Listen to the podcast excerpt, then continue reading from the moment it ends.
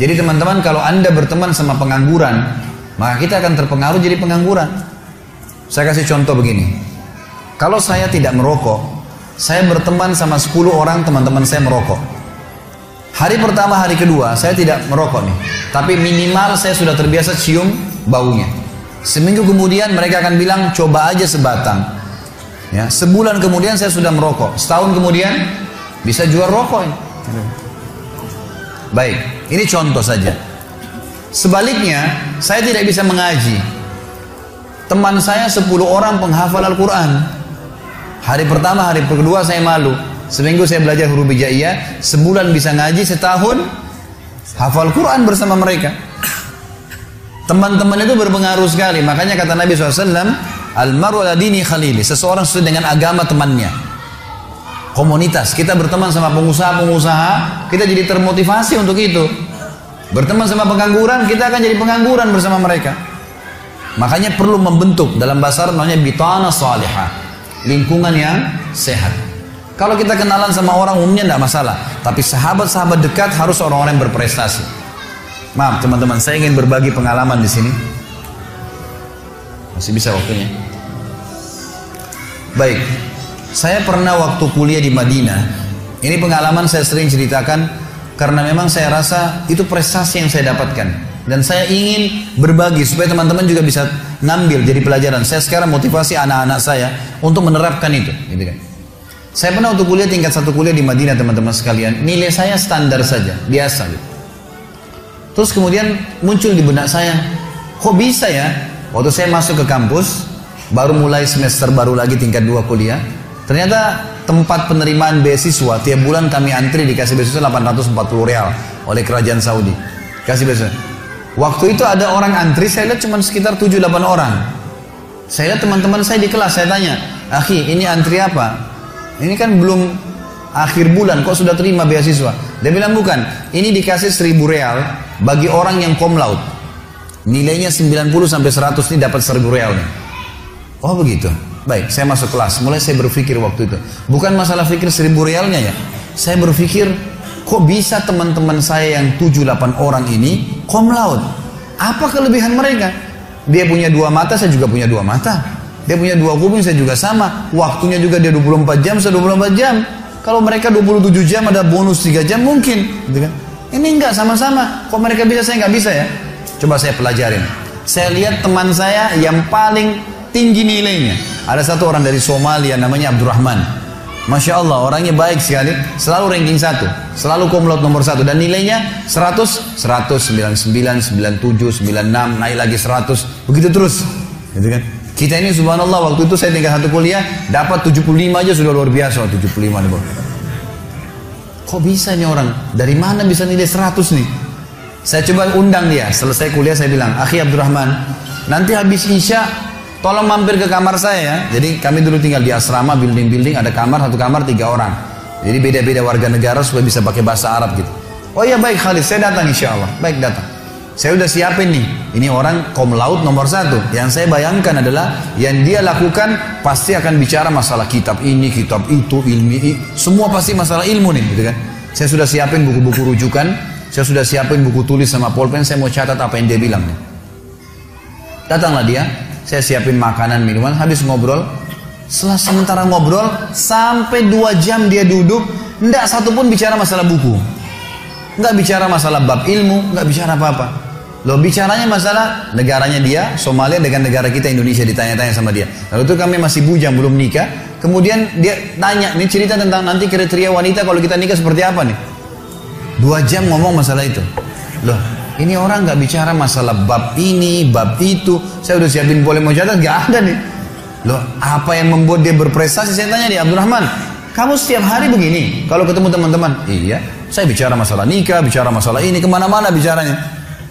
Apa yang buat dia prestasi nih? Baiklah, saya nggak bilang sama dia saya mau seperti dia gitu. Saya besok masuk ke kampus, saya ikutin dia. Saya sama-sama, saya jalan kampus, dia juga sana. Satu fakultas, satu kelas lagi. Ternyata saya dapat kata kuncinya, anak ini di kelas. Jadi di kelas ini dia kalau duduk, ini dosen syekhnya datang. Kalau dia, syekh sudah datang, ada lima materi setiap hari. Dia datang, syekhnya datang, dia duduk, tutup pintu, mulai baca tahmid dan salawat, kemudian mulai materi, dia hadapkan mejanya ke syekhnya, dia ambil meja paling depan, misal gini ini di depan langsung berhadapan.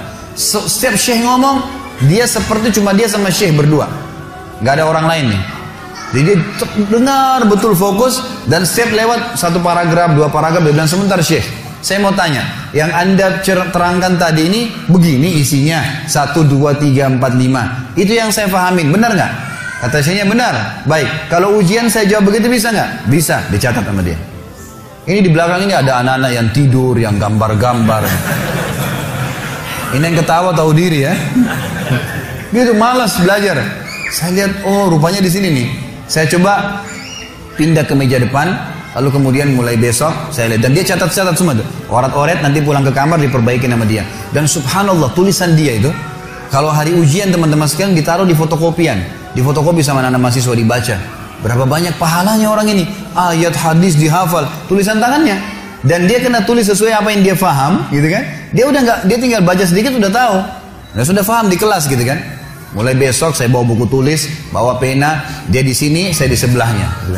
Dia bertanya, saya juga bertanya. Proses seperti dia gitu. Tapi yang kalau saya tidak paham, kalau saya paham saya sudah tulis. Kalau dia bertanya saya paham sudah. Kalau saya tidak paham saya Syekh sebentar, ya. Maksudnya begini Syekh, jadi kelas ini jadi hidup gara-gara saya bersebelahan sama si Abdurrahman. Yang lain yang tidak tidur jadi bangun. Ini ada apa nih ribut di depan? Tanya terus diskusi sama Syekhnya terus begitu. Enam bulan pertama teman-teman sekalian saya kewalahan nulis. Karena Syekh ngomong apa ditulis kan gitu. Susah nih. Enam bulan kemudian setelah saya terus paksain diri sampai pada tingkat Allah mudahkan Alhamdulillah saya bisa nulis apa yang Syekh ucapkan dengan dua warna pulpen hitam apa yang dia ucapkan, kalau ayat pakai pulpen warna merah gitu. Dan pada saat hari ujian di fotokopi bukunya Abdurrahman sama buku saya. Dua-duanya di fotokopi sama mahasiswa gitu kan. Dan pada saat hasil ujian, hasil ujiannya sama, nama dia dan nama saya berdekatan. Sama-sama dapat seribu real gitu kan. Sampai pernah ada seorang dosen, ada materi namanya um, Gazul Fikri, perang budaya. Bagaimana mempelajari negara-negara barat, negara muslim berusaha untuk memerangi umat Islam. Materi yang ada seorang dokter, orangnya baik, tapi beliau suka pakai bahasa amia, bahasa pasaran dalam menerangkan materi. Jadi nggak semua orang paham gitu. Maka Syekh ini kalau ditanya, Syekh, teman-teman dari Afrika tanya Syekh, Ana belum mengerti Syekh. Dia bilang kembali ke buku. Gitu. Nggak dijelasin lagi gitu kan. Ini gimana cara memahaminya orang ini gitu. Tapi apa yang saya sudah ambil kata kunci, Syekh, maaf, yang anda terangkan seperti ini maksudnya? Iya benar. Ya udah, bukunya mana Syekh? Ini rujukannya. Saya beli bukunya nanti, gitu kan?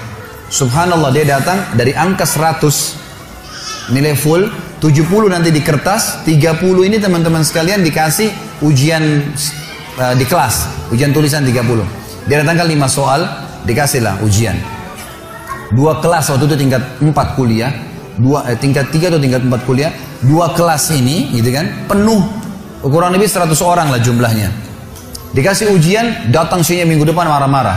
Kalian apa ini? Bagaimana kalian jawab nanti di ujian utama? 70 angka kalian bisa dapatkan, 30 aja susah didapatkan. 5 soal saya jawab, tanya nggak ada yang bisa jawab. Kalian salah semua. Orang semua balik ke arah Abdurrahman, ke arah teman-teman yang lain ini. Ini ini mereka pun dianggap salah sama syekhnya. Ini gimana nih? Gitu kan? Lalu bagaimana? Terus dia bilang, semua salah kecuali ini nih bahasa lama dapat 30. Terus saya kaget, teman-teman juga lihat ke saya. Saya tanya, Syekh, saya benar jawab semua. Dia bilang ente benar semua, dapat 30. Setelah itu saya pulang ke kamar, Abdurrahman datang ke saya bawa buku tulisnya. Bahasa lama sini, saya mau tulis. Dia tulis dari saya gitu. Subhanallah, hanya karena berdekatan sama seorang yang pintar, kita jadi pintar tuh. Hanya ikutin caranya dia. Ciplak saja.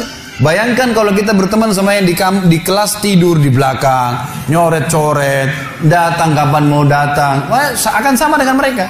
Angka lulus 60, carinya 60. Ya bisa tidak bisa tidak dapat 60 kan?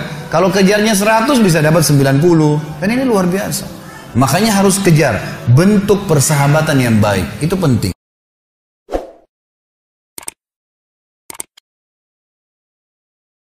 Assalamualaikum untuk pemesanan paket umroh murah bisa menghubungi 0821 4196 0857 Kami ulangi sekali lagi untuk pemesanan paket umroh murah bisa menghubungi 0821 4196 0857 Sekali lagi 0821 4196 0857 Terima kasih.